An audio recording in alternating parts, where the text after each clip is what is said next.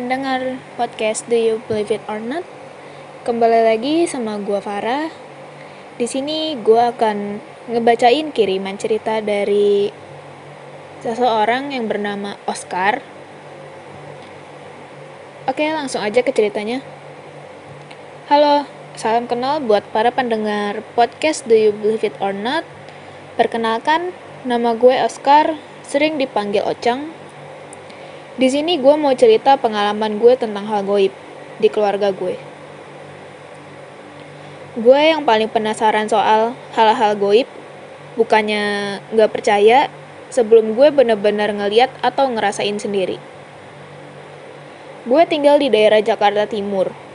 Di rumah itulah gue merasakan dan ketemu langsung sama hal-hal goib. Kalau diceritakan semua mungkin bisa jadi berpuluh-puluh episode. Jadi gue bakalan cerita yang menurut gue paling serem aja ya. Waktu itu sekitar tahun 1999 di rumah yang gue tempatin itu gue tinggal hanya berdua dengan almarhum nyokap gue. Di rumah itu nyokap buka salon.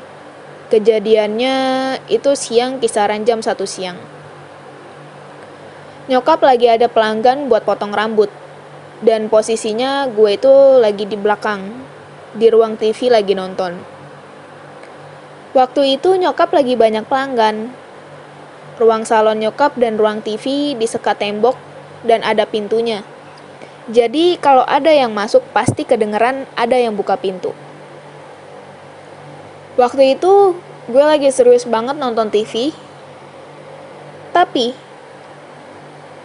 Pas lagi asik-asik nonton TV, tiba-tiba di ujung mata sebelah kiri gue, gue ngeliat nyokap gue masuk dan gue yakin banget itu nyokap. Biasanya, nyokap masuk ke belakang itu buat masak air. Dan air itu buat kerimbat dan kalau ada gue, nyokap biasanya nyuruh gue untuk masak.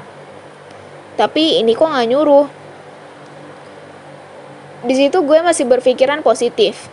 Mungkin nyokap nggak tahu kalau gue lagi ada di belakang atau lagi nonton TV. Gue dengar kompor gas bunyi. Lagi dinyalain. Beberapa menit kemudian, dari arah salon, nyokap teriak, Ocang, Ocang, tolong masakin air setengah panci aja. Sontak gue kaget, Pas nyokap teriak seperti itu dan gue langsung ke depan tanya. Lah bukannya mama ke belakang tadi nyalain kompor? Tanya gue heran ke nyokap. Dan nyokap gue jawab, Enggak, ini aja baru mau nyuruh kamu. Makanya jangan banyak nonton. Di situ nyokap cuma ketawa dan ngeledek gue. Ya udah akhirnya gue ke dapur buat masak airnya. Tapi Pas masuk ke dapur gue kaget. Gue lihat di atas kompor udah ada panci yang berisikan air. Dan posisinya itu kompor nyala. Otomatis gue langsung lari ke nyokap dan tanya, Mah, itu siapa yang masak air? Kok udah ada yang masak air? Tanya gue heran. Dan nyokap gue jawab, jangan bercanda, di situ nyokap udah agak marah dan tamunya juga pada heran. Akhirnya nyokap ngepastiin kalau omongan gue benar. Nyokap gue langsung ke dapur sama gue. Tapi apa yang terjadi tadi dan yang gue lihat itu bener-bener nggak ada apa-apa. Posisi panci masih tergantung dan kompor nggak nyala sama sekali dan di situ nyokap langsung marahin gue abis-abisan. Di situlah gue mulai merasakan hal mistik terjadi. Seminggu kemudian setelah gue ngalamin hal itu ada kejadian lagi dan yang ini sih fix sampai tetangga gue ikut campur juga. Waktu itu gue nggak tahu kalau nyokap lagi pergi untuk arisan. Gue di kamar lagi ada temen gue. Jadi gue berdua sama teman gue lagi asik-asik ngobrol sama teman gue. Gue sama temen gue tiba-tiba aja denger ada yang manggil nama teman gue. Sebut aja nama teman gue itu Udin. Din, Udin, Din. Spontan, gue sama temen gue liat-liatan sambil heran. Siapa itu yang manggil lu? Tanya gue, nggak tahu, masa nyokap lu? Si Udin ke depan nyamperin suara tersebut. Ternyata, nggak ada siapa-siapa. Teman gue heran dan bertanya, siapa yang manggil dia?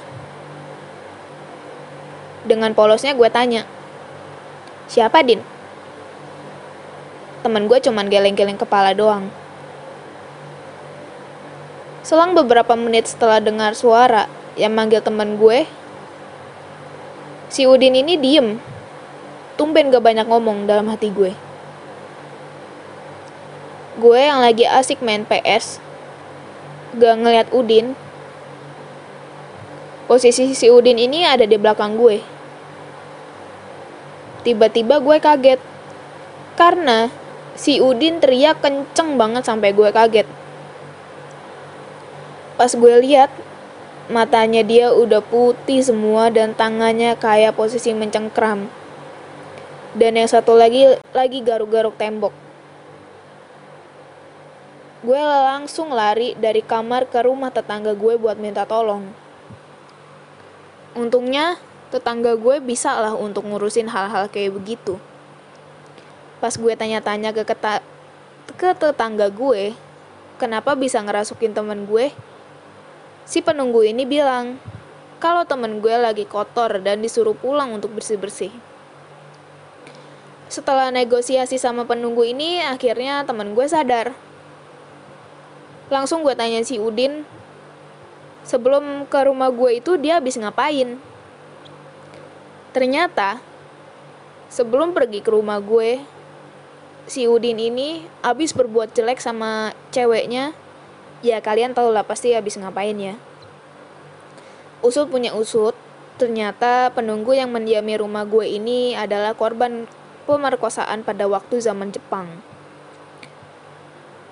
Dia diperkosa dan setelah itu dia dibunuh dan mayatnya dibuang di sekitaran rumah gue. Dan akhirnya gue merasa ada yang tinggal selain gue dan nyokap di situ. Ada makhluk lain ya gue saling menghormati aja intinya dan tidak saling ganggu. Masih banyak kejadian-kejadian yang gak bisa masuk akal lainnya, dan gue mulai terbiasa berhadapan sama makhluk lain di rumah gue dan gue bakalan ceritain di next episode.